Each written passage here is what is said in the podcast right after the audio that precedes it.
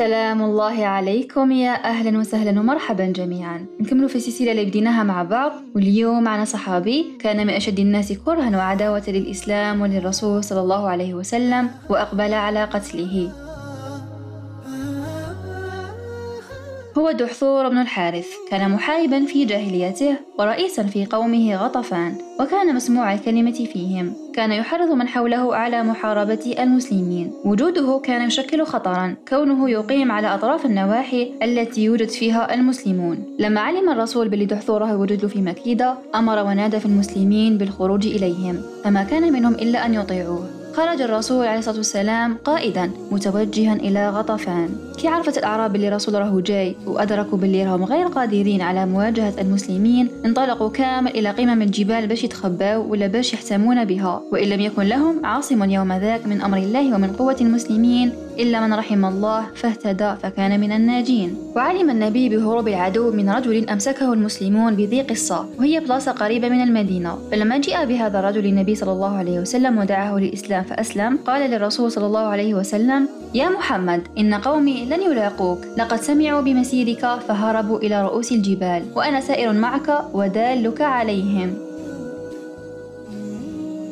خرج الرسول رفقة الرجل فلما رأى باقي الأعراب المسلمين هربوا جميعهم إلى الجبال ولم يتركوا أي أثر خلفهم. وكان العدو بقيادة دحضور بن الحارث لكذا في باله باللي راهو في مكان آمن وبالمسلمين ما يقدروش يوصلوا ليه وتوقف المسلمون في مكان يسمى بذي أمر وأمطرت السماء مطرا غزيرا فابتلت ثياب النبي صلى الله عليه وسلم. فراح واحد الشجرة بعيد عن الجماعة اللي كانت معاه كان بيناتهم حد الواد هكا فنزع ثيابه وألقاها على تلك الشجرة واضطجع هو تحتها يعني اتكى تحتها. في هذه الأثناء كانوا الأعراب يشوفوا واش راهو يدير النبي صلى الله عليه وسلم وراحوا قالوا لصاحبهم دحثور قد أمكنك محمد من نفسه. إنه قد انفرد عن أصحابه فلو أنه استغاث لم يغيث أحد منهم وإنهم لبعيدون عنه لا يجئونه حتى تكون قد قتلته. تأمل دحثور ما قالوه له ومن ثم أخذ سيفا صارما من سيوفهم.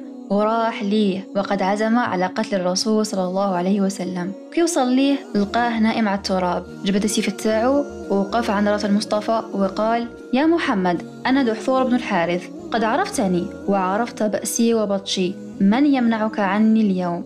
فقال رسول الله الله.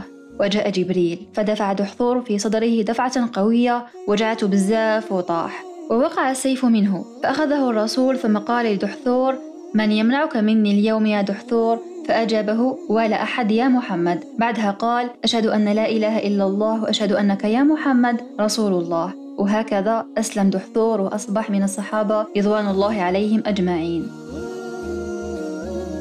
لما رجعت أحفر لقومه سقساوة ما منعك من أن تقتل محمدا؟ فقال لهم نظرت إلى رجل أبيض طويل دفعني في صدري فوقعت لظهري فعرفت أنه ملك وشهدت أن لا إله إلا الله وأن محمدا رسول الله ولقد علمت ما أنا فيكم فاسمعوني وأطيعون فأطاعوه ودخلوا كما دخل وفي دين الله ونزل قوله تعالى يا أيها الذين آمنوا اذكروا نعمة الله عليكم إذ هم قوم أن يبسطوا إليكم أيديهم فكف أيديهم عنكم واتقوا الله وعلى الله فليتوكل المؤمنون.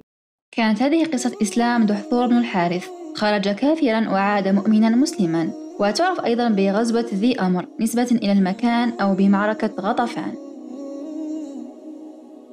وأعظم درس نتعلمه من هذه القصة هو عفو النبي صلى الله عليه وسلم على كل من أساء إليه ولا كاد أن يؤذيه. وهذا موقف خلى أثر كبير في نفوس أعراب منطقة غطفان. لأنه مشي من عادة الأعراب والملوك في هذاك الوقت ليهددهم بالسلاح ولا بالقتل يخليوه في حال سبيله. كانت عندهم عادة الأخذ بالثأر والانتقام ورد الإساءة بالإساءة. ولو كان نديروا إسقاط هذا الموقف على الواقع تاعنا اللي رانا نعيشوه اليوم صعيب باش الإنسان يسمح من حقه. صعيبة بزاف. صعيبة على النفس باش ترد الإساءة بالعفو. لازم نتعلم ترويض النفس ومجاهدتها خاصة في نقطة العفو ومسامحة الناس. لأن العفو هو التجاوز والمسامحة. والصفح بمعنى خلاص أغلق الموضوع. أنت غلطت في حقي أنا سامحتك خلاص. نقطة انتهى شغل ما كاش. ودير في بالك باللي كي تسامح وتعفو وراك تقتدي بالنبي صلى الله عليه وسلم وراك مأجور على هذا. ولما تدفع السيئة بالحسنة أيضا راك مأجور. فإذا الذي بينك وبينه عداوة فأنه ولي حميم. وما يلقاها إلا الذين صبروا وما يلقاها إلا ذو حظ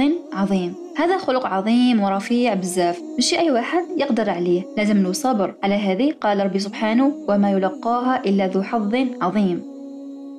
في حديث أبي هريرة رضي الله عنه كان رسول الله صلى الله عليه وسلم جالس عند أبو بكر الصديق رضي الله عنه في مجلسه. جاء واحد الرجل وبدأ يسب في أبو بكر رضي الله عنه وأرضاه فلم يرد عليه والنبي صلى الله عليه وسلم يتعجب ويبتسم ولا يعلمون أعلاه راه يتعجب ويبتسم. فلما أكثر الرجل من السب رد عليه أبو بكر فغضب منه النبي صلى الله عليه وسلم وقام وانصرف. فتبعه أبو بكر رضي الله عنه وقال له لقد رأيته وهو يشتمني فلما رددت عليه بعد قوله انصرفت فأجابه النبي إنه كان معك ملك يرد عليه. فلما رددت عليه بعد قوله وقع الشيطان وأنا لا أقعد في مكان فيه الشيطان. وفي حديث آخر امتدح الرسول صلى الله عليه وسلم من يتحمل ولا ينفعل وهو قادر على إنفاذ غضبه بأن يخيره الله يوم القيامة على رؤوس الخلائق بين حور العين. يعني الأمر أكبر من كونه ضعف في الشخصية ولا مهارة في فنون الرد على السب والشتم وإنما هو أمر متعلق بالجنة مرتبط بمقصد وهدف عظيم واللي هو الفردوس الأعلى. وأكدت أبحاث عديدة باللي كاين علاقة وطيدة بين العفو والصفح وبين صحة الإنسان. يقول مايكل باري في كتابه عن علاج الأمراض السرطانية إن فقدان القدرة على العفو والصفح والمسامحة هو في حد ذاته ظاهرة مرضية تؤثر سلبا على صحة الإنسان. ويقول أيضا أنه من المثبت علميا أن التوتر العصبي الناتج عن عدم العفو والمسامحة يضر بالجهاز الهضمي والأوعية الدموية ونظام المناعة في الجسم. بمعنى كي تحفو وتصفح ما تبقاش تخمم وتطلع وتحبط. خلاص تنسى الموضوع كامل وتنشغل بأمور أهم منه. قلتها ونعاودها. أنه هذا الخلق صعيب على النفس ومكروه بالنسبة لها. النفس بطبيعتها تحب تعاقب وتنتقم ولهذا يحتاج إلى صبر ومجاهدة. حفت الجنة بالمكاره وحفت النار بالشهوات. أمر آخر نقدر نلاحظه هو حفظ ورعاية الله عز وجل لنبيه صلى الله عليه وسلم.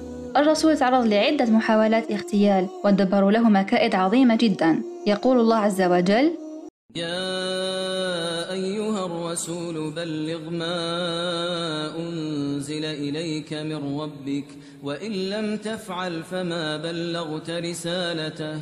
والله يعصمك من الناس إن الله لا يهدي القوم الكافرين.